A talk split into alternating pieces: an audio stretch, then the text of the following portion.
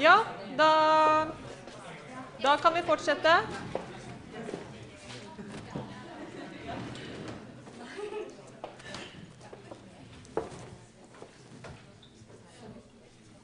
Ok, da har vi vært igjennom eh, så langt egentlig bare rett årsak, rett grunn, når vi har snakket om jus ad bellum. Når kan man gå til krig? Eh, vi har snakket litt om rett årsak, vært inne på selvforsvar eh, og vært inne på forsvar av andre som de to grunnene som ofte blir fremhevet som, eh, som rett årsak for å gå til krig. Jeg har også snakket en del om i gjennomgangen av Augustin og, og mm, Thomas Aquinas og Victoria om legitim autoritet som en helt sånn grunnleggende eh, betingelse i tradisjonen.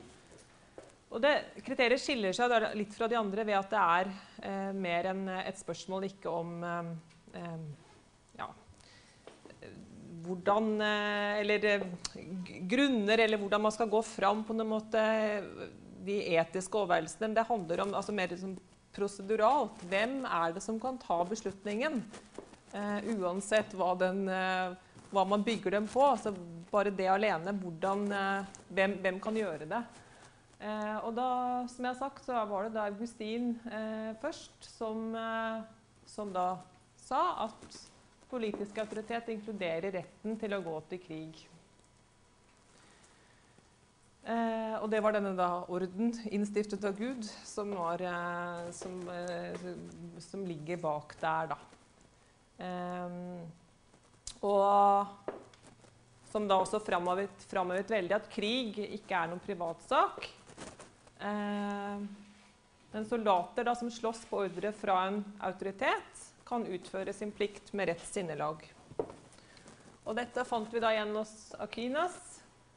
At det er kun da denne antagelsen om at det er kun det politiske lederskapet som har det gode for hele fellesskapet som mål, som kan erklære krig.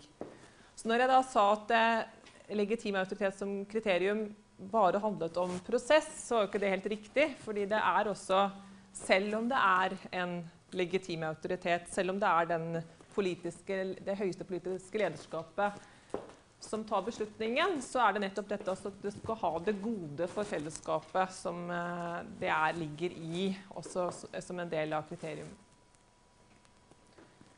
Victoria er inne på at legitim autoritet kan overføres til andre dersom kongen ikke makter å utføre sin plikt. Eh, dette er jo også tanker vi finner igjen eh, senere.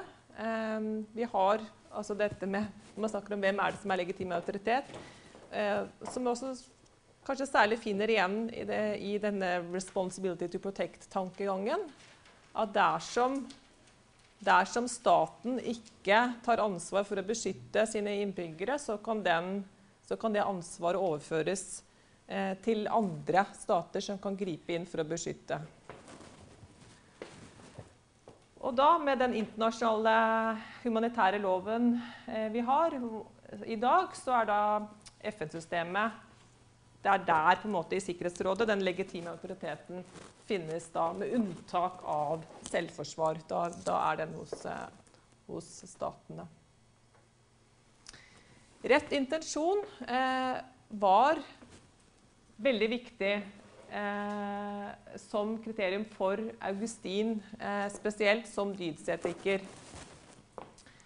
Eh, det hans største bekymring eh, var veldig mye dette hva krigen kan føre til, som gjør at dette, man, man må ha et rett sinnelag. Og når, man, når krigen først er i gang, så er det så vanskelig å opprettholde dette rette sinnelaget.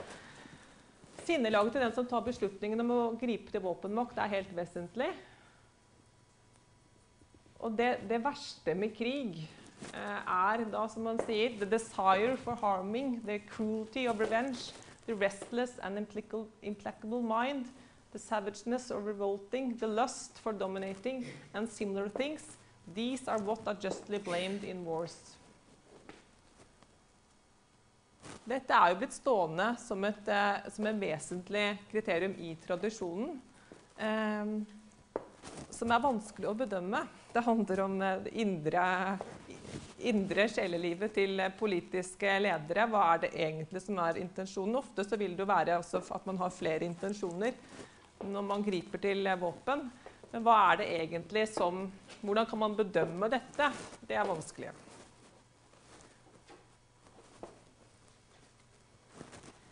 De tre siste kriteriene eh, det er for det første da rimelig håp om suksess. Det er et veldig viktig kriterium, det også. Og det, de tre siste de er mer konsekvensetiske. Eh, det handler om konsekvensene av å gå til krig. Man, man, skal bedømme konsekvensene, og det er det vanskelig å gjøre på forhånd. Men man må på en måte som politisk leder, før man går til krig, ha dette i tankene. Er det i det hele tatt noe rimelig håp om å lykkes? Kan man oppnå det man er ute etter? Kan man ja, Denne intensjonen, er det rimelig å tenke at eh, fred kan oppnås ved å gå til krig? Og hvor stor sannsynlighet er det? Og da er det spørsmål da, så hva er suksess her? Er det det bare å vinne, eh, vinne over eh, eh, altså militært? Eh, kanskje mer som en sånn tradisjonell krigføring å slå ned fienden? Eller er det da også å faktisk skape en fred, legge grunnlaget for en fred? Det vil jo være det siste da tenkeren tenkerne i tradisjonen har, tenker på, men det er jo selvfølgelig veldig mye vanskeligere enn å bare eh, slå ned en, en fiende. Og så har vi dette eh, kriteriumet om proporsjonalitet som er egentlig et spørsmål da om er krigen verdt det. Altså kan man, Det er en avveining da på forhånd av den antatte, det antatt gode som kan komme ut av krigen, at den kan føre til fred. Eh, og avveining da av alle de tapene eh, krigen fører til. Man må også da ta i betraktning om det kan eskalere, eh, om det kan bare gjøre større skade. Eh, og da er det relevante spørsmål da å stille seg. Hvem sine interesser og rettigheter teller med? Er det da kun e egen nasjon? Eller tenker man utover det når man, det, når man eh, skal bedømme dette? Og hvor langt frem i tid er det man, eh, er det man gjør disse vurderingene? Og da, igjen da, så er utfordringen her at konsekvensene av krig er veldig uforutsigbare. Det er veldig vanskelig på forhånd å kunne bedømme dette på en god måte.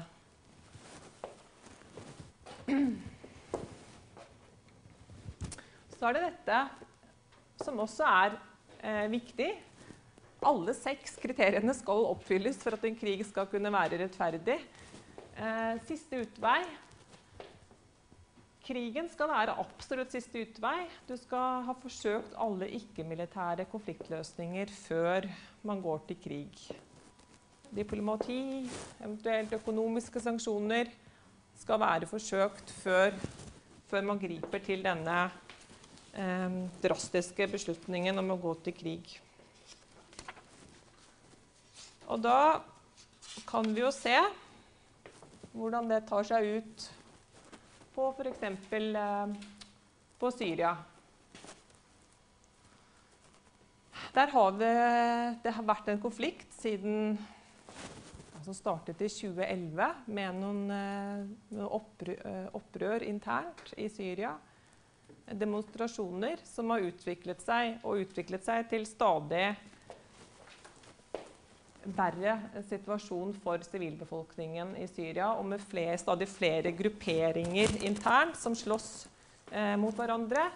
Og det har vært eh, luftangrep fra jeg tror kanskje det er seks ulike land eh, som har eh, angrepet eh, Russland, Frankrike, Storbritannia, USA, eh, som har vært involvert i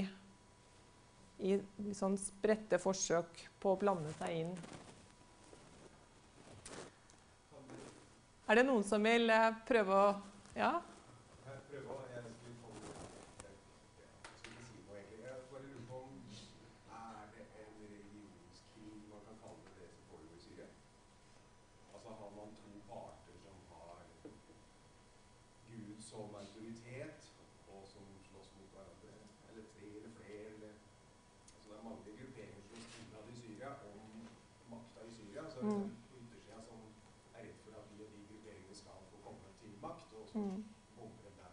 Så blir det da en form for religionskrig. Ja, jeg vet ikke om det er riktig begrep å bruke. Religion spiller jo en rolle her også, hos noen uh, grupperinger. Uh, men uh, Innad i Syria så ser man at uh, f.eks. kulturminner blir ødelagt av og deres grunnlag ligger jo i at det er et det vil for å ødelegge det kan være en del av det. Eh, men det, er jo nettopp det at det er en veldig kompleks eh, eh, krig. med så mange ulike intensjoner blant disse gruppene som slåss. Men at det er en del av det, det, av bildet, det tror jeg nok man kan si. Men å kalle det en religionskrig, alle de grupperingene som slåss, det, ja, er kanskje vanskelig å, å, å gjøre, da. Men ja. Det ene førte med seg det andre. på en måte. Det ble en sånn snøball som rulla, så har det bare eskalert. Altså, Irak, Saddam Hussein falt på han, og så Ja, det er jo hvor, hvor begynte dette? Eh, det er vel også, det strides man vel om. Da, når, hva var det som var eh, kimen her? Hvorfor startet det? Jeg nevnte at det startet litt med disse demonstrasjonene i 2011. Men det er klart det, det lå jo noe bak det også. Som gjorde at alle disse gruppene da kom til og begynte etter hvert også å vende seg mot hverandre. Ehm, så sånn som, eh, hvis, man, hvis man skal prøve å OK, sånn er situasjonen nå. Det har ikke lykkes eh, Sikkerhetsrådet å bli enige om en resolusjon som gjør at man griper inn. Men det er da enighet om at dette er den verste humanitære katastrofen eh, ja, i hvert fall siden annen verdenskrig. Eh, Sivilbefolkningen i Syria lider enormt, eh, de som er der. Det er mange millioner igjen, og mange som dere vet, er på flukt. Når man snakker om eh, humanitær intervensjon som en mulig rettferdig grunn, hva tenker dere om, om det i forhold til Syria? Er det noen som har noen tanker om det? Ville det vært eh, eh, tilfredsstilt det, det kriteriumet om, om eh, forsvar og andre? Historien viser at de har gjort det før, da, som Libanon f.eks., som FN-soldater rundt omkring. Så det ser ut som de har i hvert fall De har prøvd tidligere, om det var for suksess. Det er noe sånt. Ja. Det er vel FN som har satt opp disse kriteriene. Nei, altså eh, Det er ikke FNs eh, det er, Dette er jo fra rettferdig krig-tradisjonen, disse kriteriene. Men at FN de trenger jo egentlig bare å forholde seg til det som er i, eh, er i eh, humanitær, internasjonal humanitær lov. Og da er det jo dette med at man, man Det er også rom for å gå til en humanitær intervensjon til forsvar og andre, da. Men, men det er liksom FN er på en måte sånn regnet som den legitime autoriteten som Ja, så lenge ikke det er en stat. Og da er det jo kun selvforsvar Ja. som er ja. Jeg bare mener, Hvorfor skal FN nødvendigvis være den legitime autoriteten? Det er jo et uh, godt spørsmål, så det kan man jo problematisere i seg selv. Sikkerhetsrådet består jo av land med sine egne interesser. Mm. Det, det er jo også selvfølgelig eh, sånn Fint at du nevnte det, for det er jo, man kan jo diskutere dette med legitim autoritet. Hvem er det i dag da, som kan ha eh, det gode, det globale ansvaret, det gode eh, for fellesskapet eh, som mål? Og da er det, den, den autoriteten da er plassert hos Sikkerhetsrådet. Men som du sier, det er sammensatt av, av stormakter som har selvfølgelig sine interesser. Det er veldig interessant det med FN, fordi jeg er selv veldig opptatt av å aldri bli tatt som en autoritet egentlig når vi går inn i et såkalt fredsbevarende styrke. Vi er veldig strenge mandater som sier at de kan f.eks. bare ta våpen, men hvis de blir direkte skutt på. Eh, Det er en grunn til at FN eh, Deres ideal er at de kan ikke og skal ikke ta sider. Fordi de vil ikke liksom eh, gi en part i en i en topartskrig rett. Eh, Ja. offiserene fikk ikke noen mulighet fordi de ble skutt. Ja, og det, det er jo For det, dette var en litt annen operasjon også da, ikke sant? For dette var en sånn type fredsbevarende operasjon. Og som du da riktig sier, at da er det nettopp det prinsippet om ikke-involvering. At du skal Det er da ofte basert på samtykke fra de eh, eh, som er i konflikten. At du skal få ha styrker der.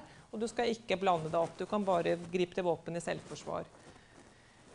Mens en humanitær intervensjon, eh, da vil det være andre prinsipper som ligger til grunn. For da er det jo ikke basert på samtykke fra f.eks. Eh, eh, Syria. Da vil det være en intervensjon hvor man eh, også kan En krig, da. Som, hvor man også kan gripe til våpen og angripe andre. Eh, kan, men som du sier, det som skjedde i Rwanda eh, og eh, Srebrenica og Darfur Det er veldig mange eksempler på forferdelige humanitære katastrofer der FN nettopp ikke grep i den, ikke sant? hvor man ikke hadde mandat til det. Og Det er noe av bakgrunnen for at dette også prinsippet responsibility protect vokste frem. Eh, nå må, Neste gang en katastrofe skjer, så må verdenssamfunnet kunne gripe inn eh, og ta ansvar. Eh, og så tror jeg nok det er riktig å si da at Libya på mange måter ble liksom prøvestenen for det. At man, at man aktivt viste til det prinsippet. Og så var det ikke så lett. Selv om da mange mente at det var en rett årsak. Ehm, så var det dette med rimelig håp om suksess. Det falt ut, og det er også her Michael Waltzer som diskuterer eh, Syria, som nettopp peker på det med, eh, med rimelig håp om suksess. Is it a just war? Certainly, ISIS is an enemy that one wants to defeat. But a war isn't just, according to just war theory and international law, unless there is a reasonable prospect of success. And this peculiar war offers no such prospect. Og det er da dels peker han på fordi altså man har ikke noen plan. Eh, og det er jo faktisk noe man kan, man kan gjøre noe med på forhånd. Du vet aldri helt hva som skjer i løpet av en krig. Men noe av hovedproblemet her er at det er så spredte forsøk. Det er ingen som har satt seg ned og prøvd å lage en plan for hvordan man skal både utøve denne krigen, men også hva man skal gjøre etterpå. Just ending. This war is being fought without any likely end, and without any vision of what a morally just end would look like. Så da er det vanskelig å kalle dette eh, en, en rettferdig krig, eh, det som skjer eh, med de spredte forsøkene fra, fra omverdenen. Men man kunne kanskje tenke seg at det var mulig. Ja.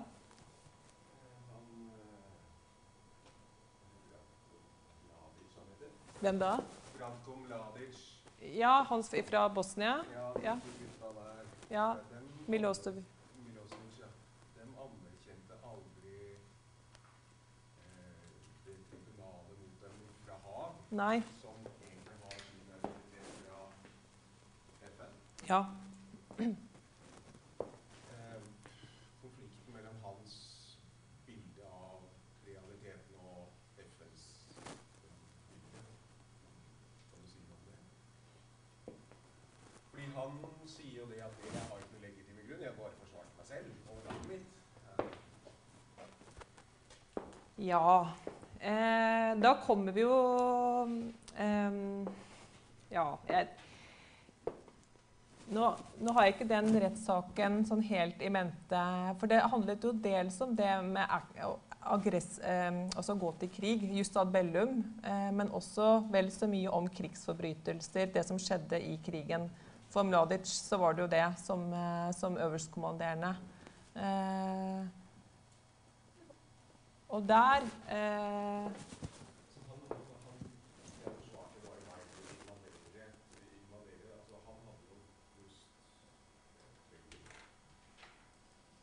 Ja.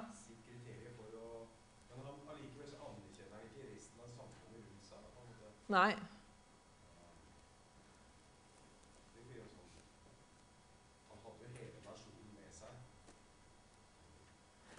Ja, det vet jeg ikke helt om man kan si at han hadde. Eh, og det var vel ganske Ja, jeg vet ikke om jeg skal gå veldig inn på akkurat den nå, men, men du peker jo på et problem selvfølgelig når man, man har ulike oppfatninger av eh, eh, altså tolkningen av disse kriteriene. Og ja, han, han argumenterte sånn, og så argumenterte FN-systemet på en annen måte. Men, eh, men eh, ja. Ok. Eh, da skal vi gå litt videre til nettopp det med jus in bello. Hva som er rett i krig. Hva er rett krigføring? Og da er det, eh, da er det særlig disse som, eh, som peker seg fram. Det er prinsippet om differensiering. Du skal skille mellom legitime og illegitime mål i krig. Det er prinsippet her også om proporsjonalitet. Det skal være en, en, eh, en, et riktig forhold mellom den skaden du påfører, og det gode du søker å oppnå. Og så har vi her da, som eh, Thomas Aquinas var med på å utvikle, denne doktrinen om dobbel effekt, som fortsatt anvendes, eh, som brukes eh, av militære når man skal anvende disse prinsippene. Eh, fordi det første om prinsippet om differensiering eh, det er da supplert av, av, disse to andre, og særlig da doktrinen om dobbel effekt. Jeg vil først si noe om forholdet mellom jus ad bellum og jus in bello. Um, det er også en diskusjon i tradisjonen. Uh, Michael Walzer, som er da denne største rettferdig krigtenkeren i moderne tid, han skiller veldig skarpt mellom disse to uh, sett av kriterier. At en krig de, altså de, vurderingene vi gjør om handlinger i krig, de må være uavhengig av, eh, av eh, hvordan, om krigen er rettferdig eller ikke. Og det er da Bakgrunnen er da tesen om soldaters moralske likhet. At soldater har bare ansvar for å følge reglene i krig, ikke for å bedømme grunnene til å gå til krig eller for å nekte å delta i det de mener er en urettferdig krig.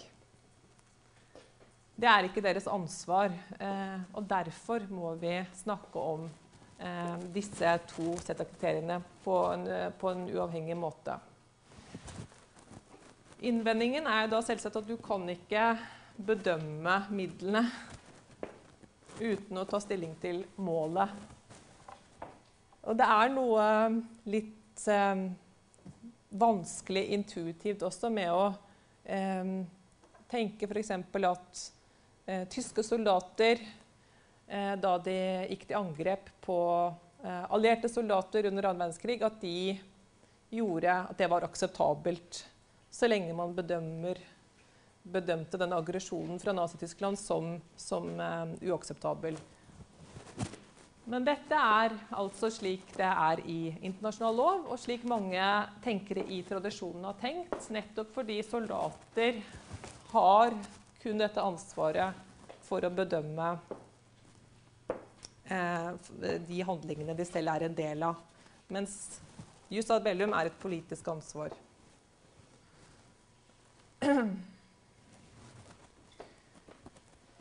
Så dette første prinsippet, da, som er helt grunnleggende, det er dette fundamentale skillet mellom da ikke soldater og sivile. Det er ikke helt synonymt med stridende og ikke-stridende.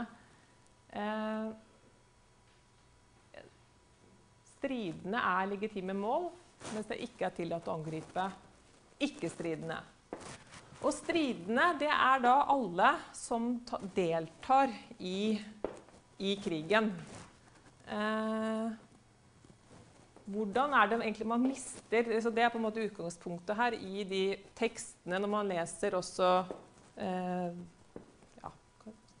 Vittoria, som begynte å skrive rundt dette. Hvordan er det man mister den eh, retten til liv? Han snakket eh, eh, om uskyldige og skyldige. Og det er det også når man tar del i, i krigen og, blir, eh, eh, og faktisk griper til våpen, at man blir stridende. Mens ikke-stridende kan det også være soldater som er såret, eh, som har overgitt seg. Eh, som er ikke-stridende. De, de kan ikke angripes.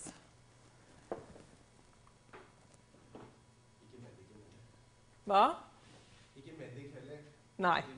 Nei, det er noen som er unntatt, ikke sant? Ja, så det, det står ganske utførlig også i internasjonal humanitær lov. Men er ikke det en kontrast i seg selv?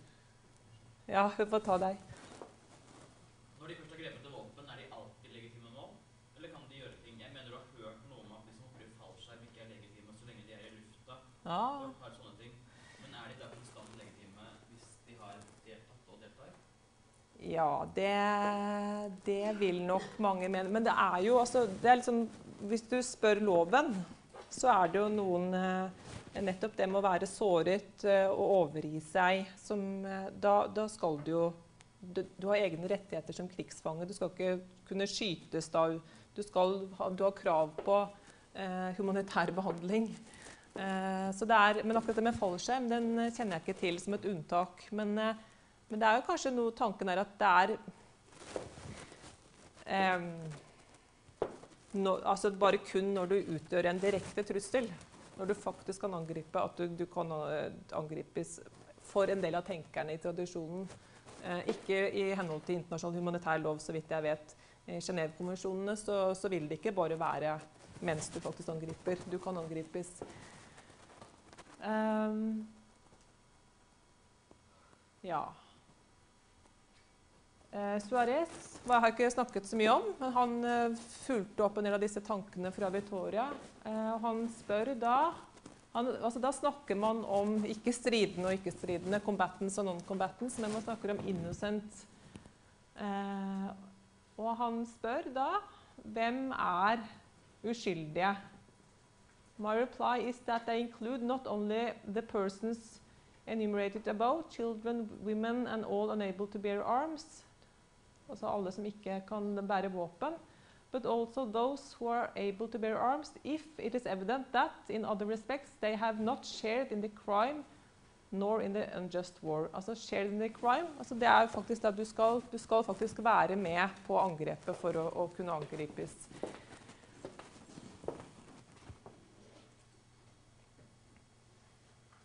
Eh, og så har vi dette proporsjonalitetsprinsippet her også. Og det gjelder jo da også for soldater, selvfølgelig. Altså de stridende som kan angripes. Det, man kan ikke gjøre hva som helst med de heller.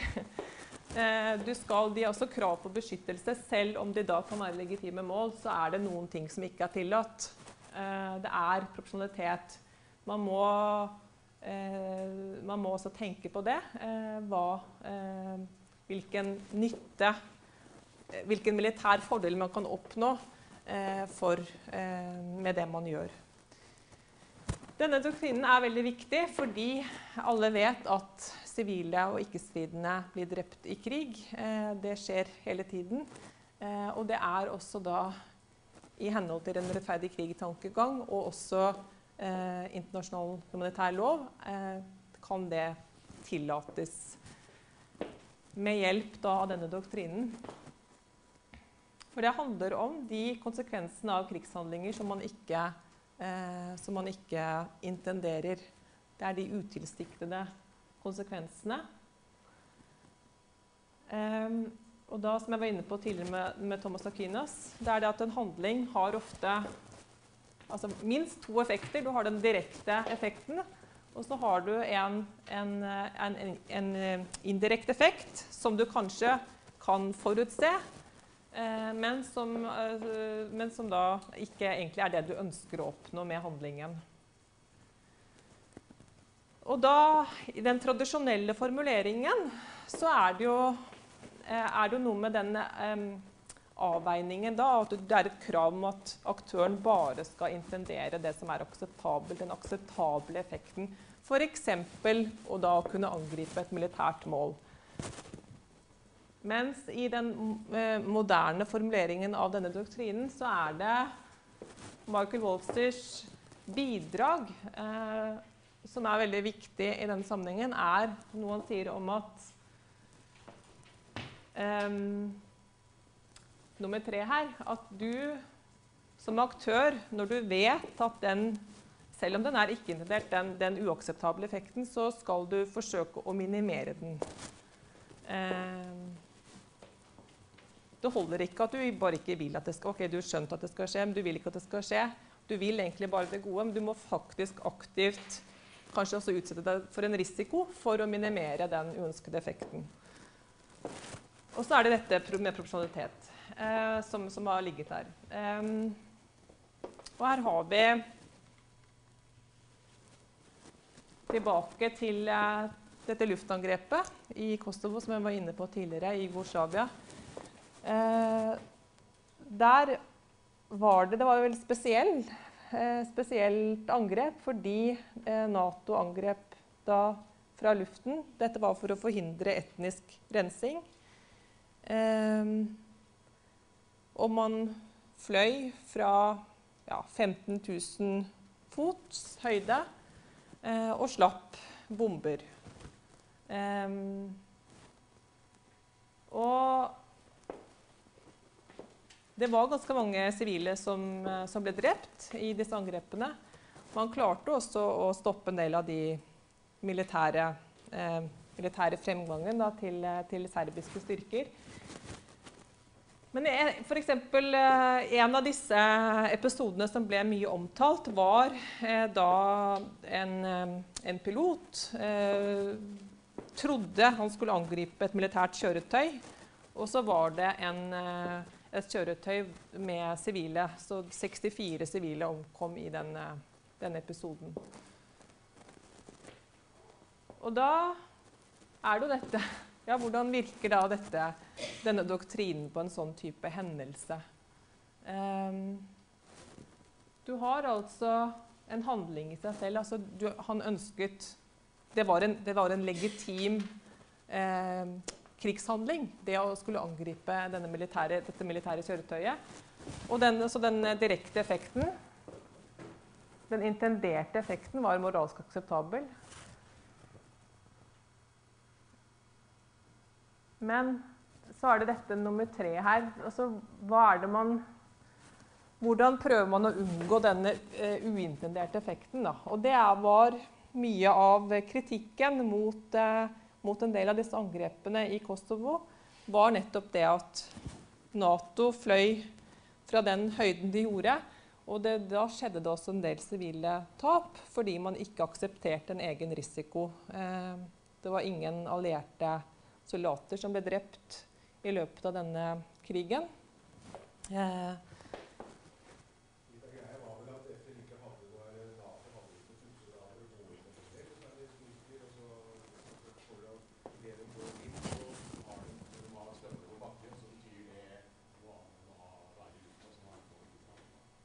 Ja, det, det, kan du si. Eh, at det, var noe av bakgrunnen. Men da er jo spørsmålet er det i det hele tatt legitimt å gå til krig hvis man eh, ikke kan akseptere den risikoen eh, som det er å gå til krig.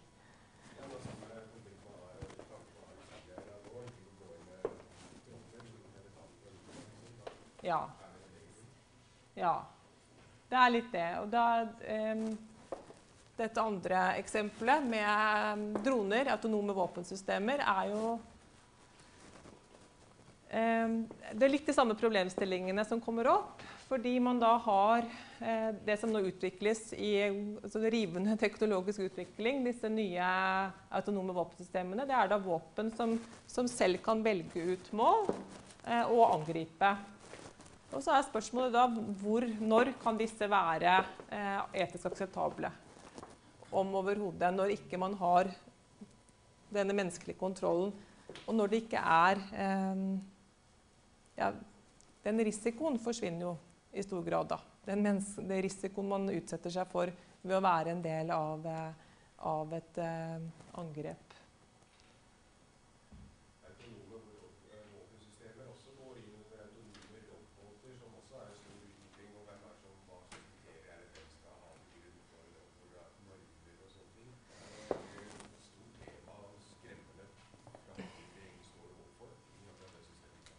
Det er jo det. Det. Og så sier mange Dette er jo diskusjoner med Man kan argumentere nok også for dette. fordi at man kan si at disse systemene kan gjøre mer presis utvelgelse. Man kan eh, konstruere dem på den måten at de kan ta de valgene man mener er riktig.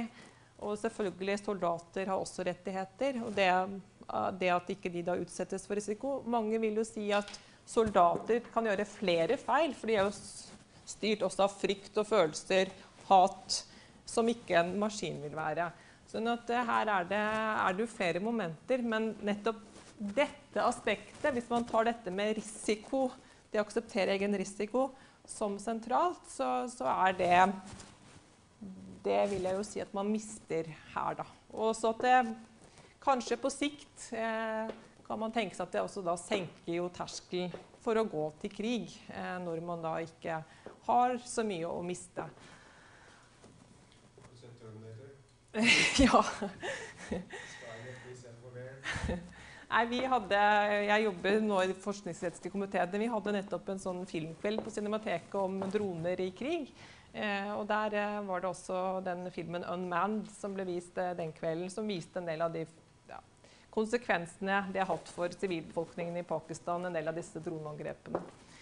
Der, eh, jeg skal eh, til slutt si litt om dette med ansvar eh, i krig. Eh, vi har snakket eh, nå om eh, eh, jus ad bellum, jus in bello. Så er det jus post bellum som en egen kategori som handler om hvordan man kan oppnå en rettferdig krig. Nei, rettferdig fred. Rettferdig fred må være hele tiden en del av denne rettferdige krigen. Både som en del av jus ad bellum. Det skal være det du ønsker å oppnå hele tiden, den intensjonen. Og det skal være en del også av jus in bello, at de soldatene, de handlingene de gjør, også på sikt kan faktisk bidra til en, en rettferdig fred. Og da er det det at fred er mer enn fravær av krig. Du skal også kunne bygge opp et samfunn som kan fungere. Og da er dette med å Når du først har igangsatt noe, når du først har igangsatt en krig, så har du også et ansvar for å rydde opp eh, og for å ha denne da, fordelingen av ansvar og skyld for krigsforbrytelser og, og hindre en ny krig. Dette skrekkeksempelet, eller Et av skrekkeksemplene er jo kanskje da etter første verdenskrig, eh, som i stor grad den avslutningen på første verdenskrig la kimen i stor grad også til en ny krig, andre verdenskrig, fordi dette rettsoppgjøret ble oppfattet som så urettferdig av, eh, av Tyskland. Eh, både Just ad Bellum og Just in Bello forutsetter da aktører som kan holdes ansvarlig for sine beslutninger og handlinger. Det er moralske aktører som skal kunne ta moralske valg, og som kan stilles til ansvar. Dette er et bilde fra Nürnberg-tribunalet etter andre verdenskrig. Der eh, flere av de tyske eh, høy, høytstående eh, offiserer ble stilt til ansvar. Da var det for jus ad bellum. Eh, litt tilbake til der vi begynte. da eh, hvordan Augustin tenkte da på soldater primært som et verktøy for denne høyere eh, autoriteten. Eh, og så lenge det skjer, at man utfører volden eh, på ordre fra Gud, politiske myndigheter, så er det har man ikke, har ikke soldatene ansvar selv. De er kun et sverd i hånden til en rett autoritet. Mens ved Tora der begynner det å skje en, eh, en, en, vending mot at soldaten faktisk også har et ansvar for å, å vurdere de krigene han eller hun deltar i. Eh, og han sier at man ikke bør delta i en krig om den er åpenbart urettferdig, hva nå det betyr. Men eh, da som er bakgrunnen i en sånn naturretttankegang om at det er noen moralske normer som er tilgjengelig eh, for alle. Eh, og at man da kan eh, vite at f.eks. det å gå til krig for å kun for å tilegne seg nytt land, at det er en urettferdig krig. Men soldater er da ikke skyldige for å delta om de kan vise til invincible ignorance. Altså en, en uvitenhet de ikke kan noe for, da. Um, her har det skjedd ganske mye på det området. I dag så er, eh, holdes soldater ansvarlige. Du var inne på krigstribunalet eh, etter Jugoslavia. Det vært eh, det ble også opprettet et eget for Rwanda, det som skjedde der, hvor også flere eh, har blitt holdt til ansvar. Ikke bare soldater, men også andre offentlige tjenestemenn. Eh, og det er en eh, økende bevissthet om at soldater også på laveste nivå må ta moralske valg eh, i krig. Og at den augustinske tanken der om at eh, Eh, det at soldater kun er verktøy eh, for en høyere autoritet, den, den ser vi ikke som så veldig gjeldende lenger. Verken i rettferdig krig-tankegang eller i internasjonal lov. Vel noe sånn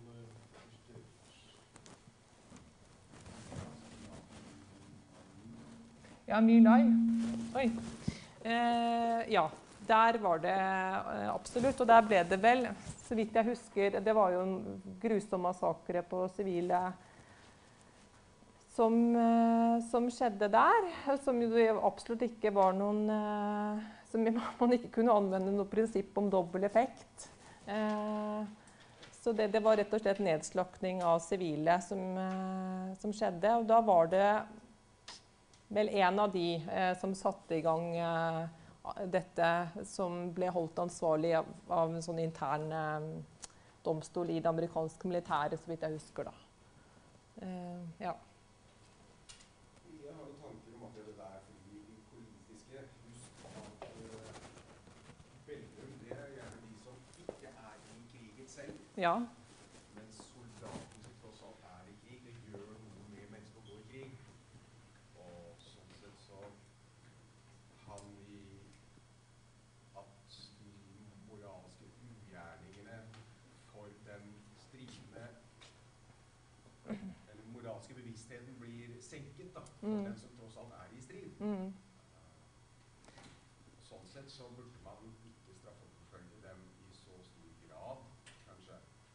Nei.